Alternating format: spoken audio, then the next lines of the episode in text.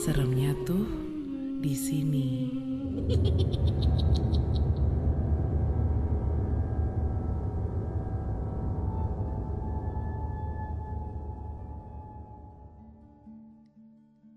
Cerita ini berawal waktu gue dan beberapa temen mau nginep di salah satu villa di puncak.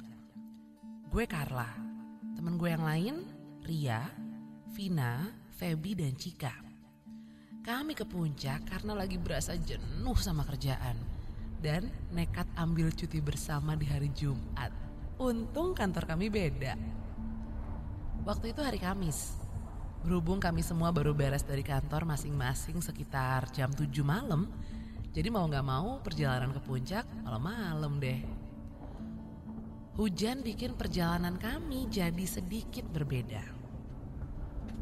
Malam Jumat, sepi, dan lebih dingin dari biasanya. Dari mulai masuk tol Jagorawi sampai mendekati ke daerah puncak, Ria dan Vina tidur pules banget. Tinggal gue, sang driver yang ditemenin sama playlist favorit gue. Sesekali, gue lihat ke belakang dari kaca spion. Gak banyak mobil yang menuju ke puncak, maklum lah masih hari Kamis. Sesampainya di puncak, Ria kebangun dan langsung pengen beli jagung bakar.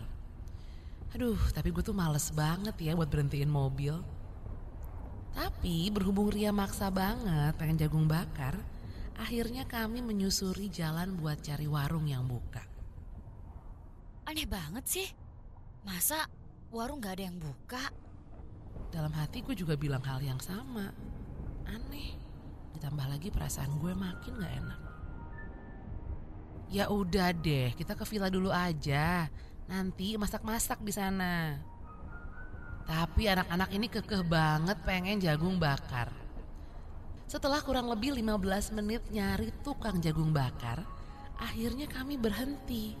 Karena di depan ada kakek-kakek yang lagi jalan sendirian yang gak tahu dari mana dan mau ke mana dia jalan. Misi pak, kalau warung atau yang jualan jagung bakar deket sini di mana ya? Kalian sebaiknya lanjutkan perjalanan kalian dan jangan berhenti apalagi sampai ada yang turun sebelum sampai tujuan. Demi keselamatan kalian. Kalian belum tahu sejarah tempat ini. Sudah, sudah sana pergi. Pergi. Meskipun teman-teman di belakang berisik ingin tanya yang aneh-aneh, tapi gue nangkep kok apa yang kakek itu mau. Akhirnya, tanpa banyak tanya, gue langsung bilang makasih sama si kakek itu. Waktu gue lihat ke kaca spion, gue nggak lihat ada kakek yang tadi. Gue bilang sama teman-teman, tapi anehnya mereka bilang ada. Malah katanya kakek tadi jalan sama cewek. Uh, mungkin teman-teman gue aja kali yang aneh ya. Belum semenit jalan, mobil gue tiba-tiba berhenti. Uh, tapi untungnya bisa nyala lagi. Dan gak tau kenapa, gak jauh dari mobil ada tukang jagung bakar. Hmm. Teman-teman yang lain maksa bener untuk stop. Padahal gue udah bilang jangan. Dan udah ngingetin apa kata kakek tadi. Cuma gue yang gak turun dari mobil buat beli jagung bakar. Karena keingetan terus apa kata si kakek tadi. Akhirnya gue tertidur. Tiba-tiba satu temen gue, Feby, gedor-gedor mobil kayak orang abis lihat setan. Waktu gue keluar, dia cuma peluk gue kenceng. Gue tanya ada apa, dia gak mau jawab. Dan waktu gue mau jalan ke tempat jual jagung bakar yang udah gak ada lagi wujudnya itu, dia gak mau lepasin gue. Gue cuma doa dalam hati, minta supaya gue bener-bener dikuatin dan dijagain.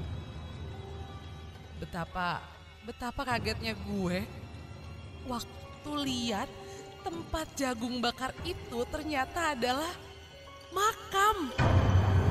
Dan Ria, Vina, C- mereka Mereka lagi makan bunga di pinggiran makam itu sambil sambil sam- sambil di bangku kuntilanak.